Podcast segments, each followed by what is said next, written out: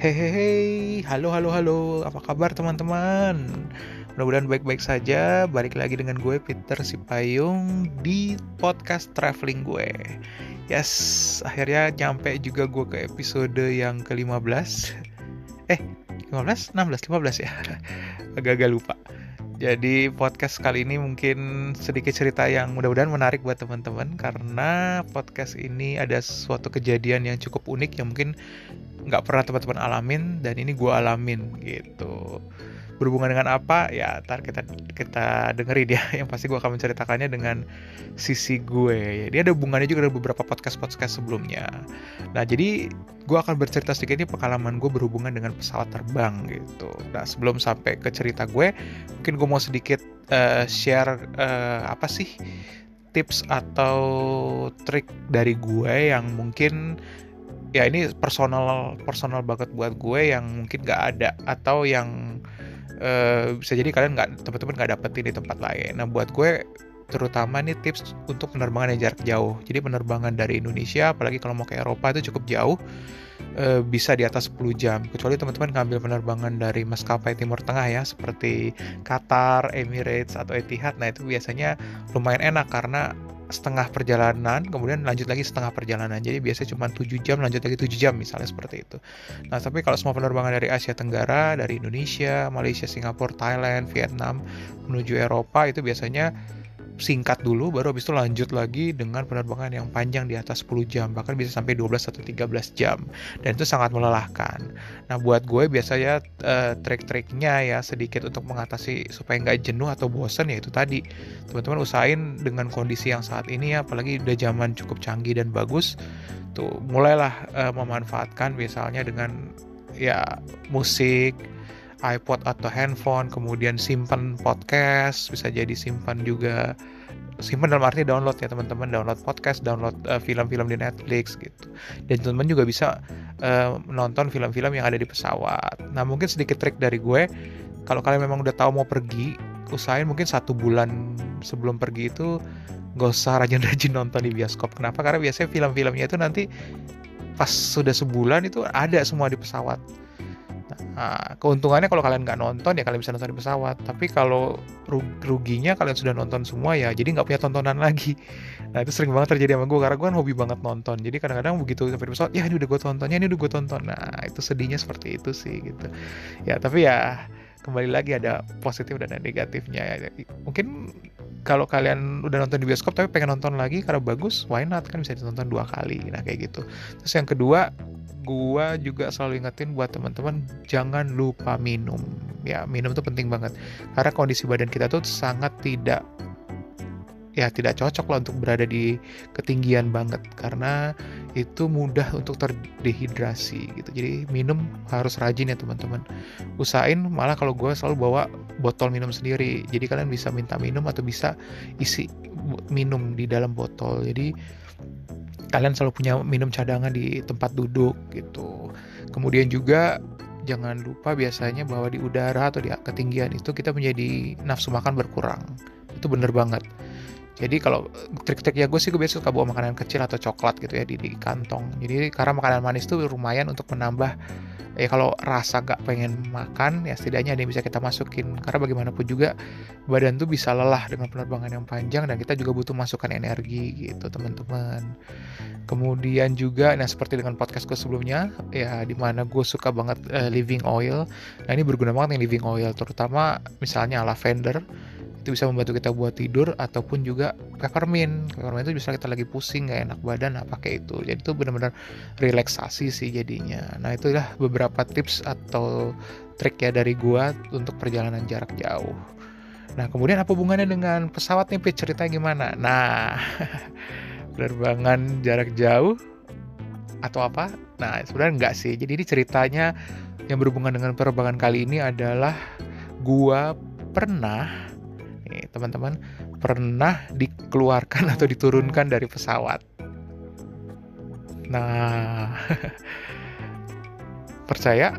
Iya beneran, ini beneran banget, nggak bohong gue. Jadi gue pernah diturunin dari pesawat. Jadi kejadiannya ini di mana? Ini di sebuah negara bernama Serbia. Yes, kalau kalian pernah ngikutin uh, podcast podcast gue sebelumnya yaitu uh, imigrasi ya saya lupa itu cerita imigrasi part kedua kemudian juga cerita uh, Twilight eh Twilight Toilet Orchestra Stories ya itu juga ada Serbia. Nah ini sebenarnya masih agak-agak bersambung ya nyambung dikit sih sebenarnya dengan cerita gue ini.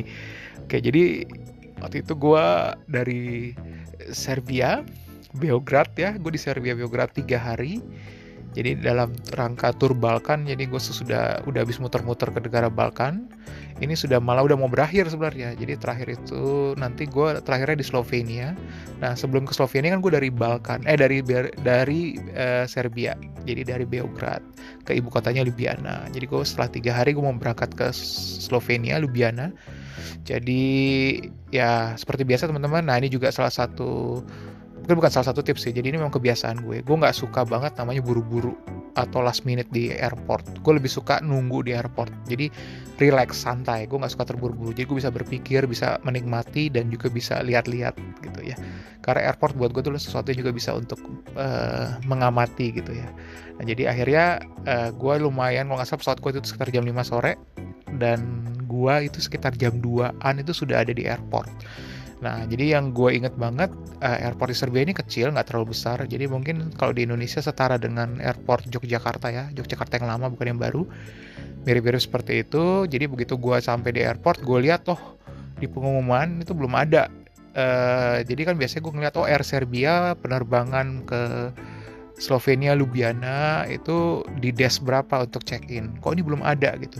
Nggak muncul-muncul gitu. Jadi dia memang banyak banget Serbia tapi nggak muncul-muncul gitu. Dan gue menunggu aja. Jadi gue ngambil tempat tidur gue nunggu. Gue nunggu gue nunggu. Mungkin gue nunggu udah hampir sejam. Uh, akhirnya gue tanya. Sebenarnya nggak hampir sejam sudah setengah jam gue tanya ada orang dia nggak tahu dia bilang cek aja katanya lihat aja dulu terus akhirnya gue tanya lagi ke informasi ada informasi yang lain Nah, baru di informasi baru dikasih tahu, oh Air Serbia tuh kamu ikut masuk antrian yang ini semua antrian Air Serbia, lo nggak perlu nunggu des berapa katanya gitu. Oh, gue baru tahu ya. Jadi memang uh, ya cukup aneh gitu. Jadi ternyata eh, semua penumpang Air Serbia memang ada antrian yang sangat panjang waktu itu gue lihat. Gue pikir itu ya Air, Air Serbia tertentu gitu ya, tapi ternyata itu semua Air Serbia. Jadi penerbangan yang namanya bandaranya Serbia ya. Jadi Air Serbia semuanya rata-rata penerbangan itu Air Serbia dan semua penumpang tuh numpuk di antrian itu. Jadi semua satu antrian panjang kemudian keluar dari antrian itu ada kayak ya mungkin kalau nggak salah 8 sampai 10 des untuk check in jadi gue nggak inget pastinya berapa. Ya udah akhirnya gue ikut antrian. Ya memang karena panjang sekali gue inget banget. Begitu gue dapat boarding pass itu sudah dibilang boarding pesawat gue ya mau mau dikata. Akhirnya gue lari-lari gue buru-buru dan gue kena imigrasi imigrasi juga biasanya kan cepat ya imigrasi kalau mau keluar. Tapi ini gue jadi agak lama karena kasus yang ya teman-teman bisa balik ke podcast yang mengenai imigrasi di Eropa part 2 ya.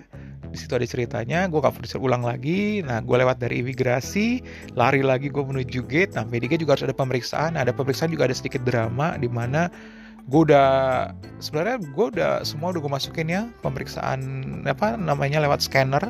Semua udah masuk begitu gue lewat begitu gue lewat nggak bunyi sebenarnya teman-teman. Tapi memang di di gue punya celana agak sedikit gelembung. Sebenarnya isinya coklat gitu. Gue akhirnya ya gue bilang kan nggak bunyi. Ya gue begitu lewat si petugasnya bilang balik lagi. Itu apa? Dia bilang gue keluarin ini coklat. Gue bilang itu. Ya disuruh balik lagi dong. Untuk ditaruh ke dalam oh kok jelasnya nggak bunyi ya taruh di dalam ini taruh lagi ke dalam scanner. Jadi gue kayak harus bundur lagi masukin ke scanner gitu. Lah gue udah telat tuh dibilang ke mana kamu dari bawahnya dari meja udah denger. Jadi sesudah pemeriksaan tuh turun lagi ke bawah. Ada meja untuk uh, pemeriksaan boarding terakhir gitu. Nah itu boarding udah bilang ke mana ke mana cepat gitu. Hari hari hari gitu. Boarding boarding.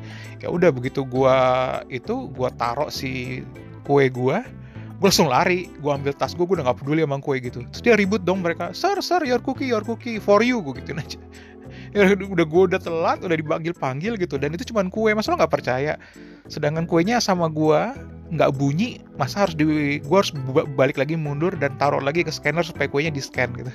Menurut gue nggak penting banget lah ya kue dan coklat gitu. Dia udah ngeliat tuh coklat dan coklatnya coklat buatan mereka bukan Silver Queen. Lo boleh ragu dong kalau misalnya ngeliat Silver Queen gitu ya atau Bang Bang gitu.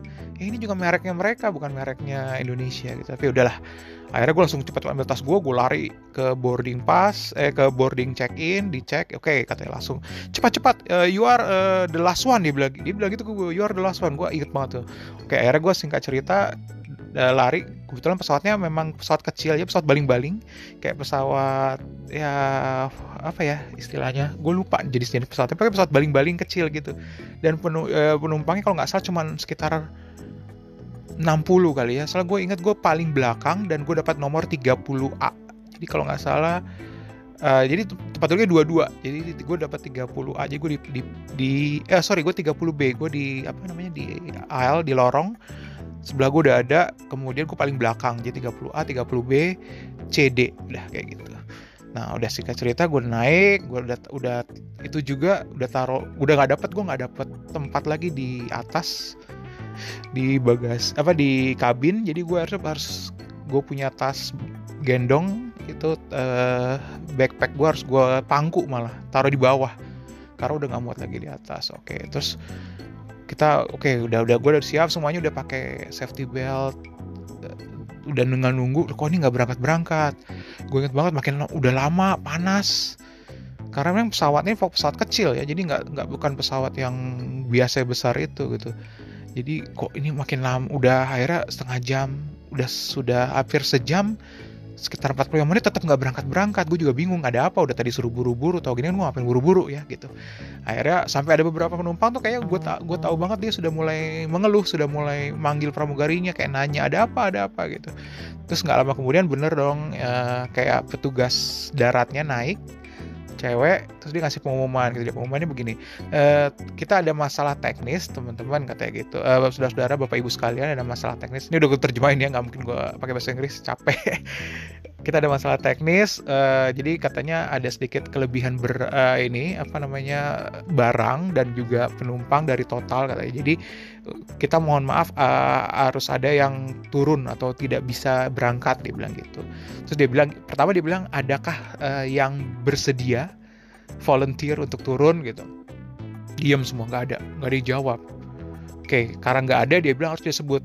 Dia tiba-tiba nyebut nama gue dong Peter Saud Jokra Sipayung ya gitu lah dia ngomongin dengan nada-nada susah gitu kan terus gue bilang yes saya. Dia bilang gitu. Terus bilang e, maaf pak katanya. Ka, uh, bisa anda turun? katanya. Gue bilang kenapa? Gue mau pergi gue udah punya ini gue ya karena kamu terus dia kasih alasan gue tuh sendiri traveler yang eh apa gue travel dan sendiri dan uh, istilahnya ya buat dia itu yang paling utama adalah gue sendiri gue nggak bersama penumpang yang lain jadi nggak punya keluarga atau apa dan gue yang terakhir secara ini secara apa namanya yang check in yang boarding katanya gitu lah gue bilang kan gue juga terakhir bukan salah gue juga gitu.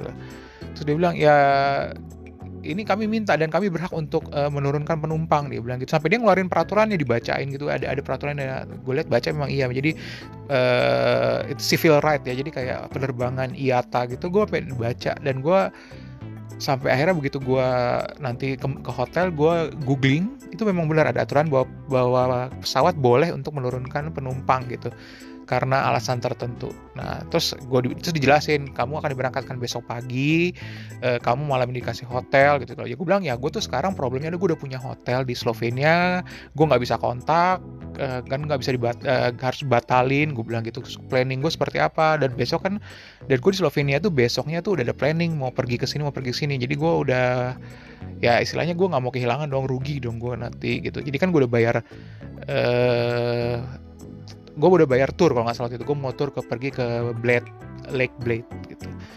Terus dia bilang ya kita nggak bisa. Itu dia nggak bisa terima yang kayak gitu katanya. Ini udah udah aturan penerbangan. Ya udah akhirnya gue turun dong gue diturunin. Dan itu juga akhirnya pesawatnya masih lama juga nunggu karena gue mereka harus ngeluarin bagasi gue juga gitu. Bagasi dikeluarin jadi gue balik lagi gitu.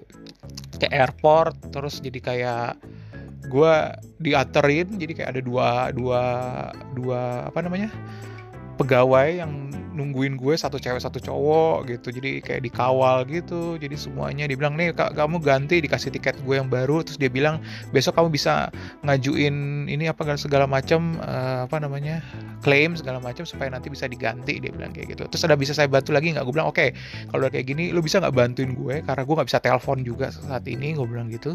Tolong telepon ke uh, hotel gue di Slovenia bilang jangan di cancel bookingan gue tetap di keep karena besok gue datang gitu. Jadi gue tetap akan bayar gitu gue bilang sana. Ya udah akhirnya gue minta tolong kayak gitu. Dia bersedia nelpon ke Slovenia dia telepon karena kan pakai bahasa sana. Dia bicara dia bilang oke okay, gak ada masalah bookingan lo lo nggak akan ini tapi lo bisa datang besok. Mereka udah mengerti kejadiannya. Udah akhirnya gue taruh di hotel. Hotel lumayan bagus sih sebenarnya. Itu malah hotel uh, gue lupa kalau nggak salah Kempinski atau apa ya pokoknya itu Beograd yang hotelnya bagus banget besar. Jadi gue diantar pakai VIP mobil sedan VIP gitu punyanya Air Serbianya. Dia kayak VIP guest gitu. Diantar ke sana masuk ke hotel ya hotel gratisan yang pasti dikasih makan malam semuanya sama sarapan buat besok paginya. Gitu aja sih. Dan ujung-ujungnya ya gue mengajukan klaim ya klaimnya itu bisa diganti. Kayak gitu sih teman-teman. Jadi ada hikmahnya juga walaupun gue sedikit ya itu gue kehilangan dari segi tour karena turnya nggak mau diganti nggak mau diganti rugi. Karena turnya itu kan untuk besok pagi sedangkan gue baru paginya berangkat ke Slovenia. Jadi gue kehilangan si tour itu gitu aja sih. Jadi di satu sisi bisa dibilang ya kerugiannya nggak banyak juga dan gue juga dapat ganti rugi dari Air Serbia. Nah, cuman ya teman-teman itu mungkin jadi harus pelajaran. Kalau dari gue sih ya jangan menunggu ya kalau bisa kalian nanya ada sesuatu yang ini. Sebenarnya kalau gue mungkin pada saat itu kalau gue langsung begitu datang masuk ke antrian gue nggak akan mengalami kejadian ini karena gue akan tepat waktu gitu ya. Ini kan jadi kesannya seakan-akan gue terburu-buru gue buru-buru banget. Jadi seakan-akan gue yang ya bukan seakan-akan gue jadi yang terakhir dan karena gue yang terakhir dan gue sendiri nah itulah gue jadi eh, mereka berhak untuk melakukan seleksi demikian gitu. Jadi orang yang terakhir dan kebetulan gue sendiri tidak dengan orang lain jadi gue berhak untuk diturunkan dari pesawat. Ya itulah cerita gue jadi gue nggak mendeskripsikan negaranya atau pesawatnya atau gimana ya tapi ya itulah yang telah pernah terjadi sama gue. Itu sekalinya pertama dan terakhir gue naik Air Serbia. Sampai sekarang gue belum pernah lagi sih gitu. Dan ya kalau memang ada promo murah dan bagus kenapa enggak sih untuk naik Air Serbia lagi? Tapi sampai saat ini gue belum pernah naik lagi karena juga dia nggak banyak sih penerbangan penerbangannya hanya dari seputaran Serbia ke tetangganya. Gitu sih. Yes itu aja cerita dari gue thank you banget udah dengerin. Mudah-mudahan cukup menarik setelah katanya yang sebelumnya ini agak-agak membosankan. Mudah-mudahan ini nggak membosankan ya. Thank you teman-teman. Sampai ketemu di podcast berikutnya. Bye bye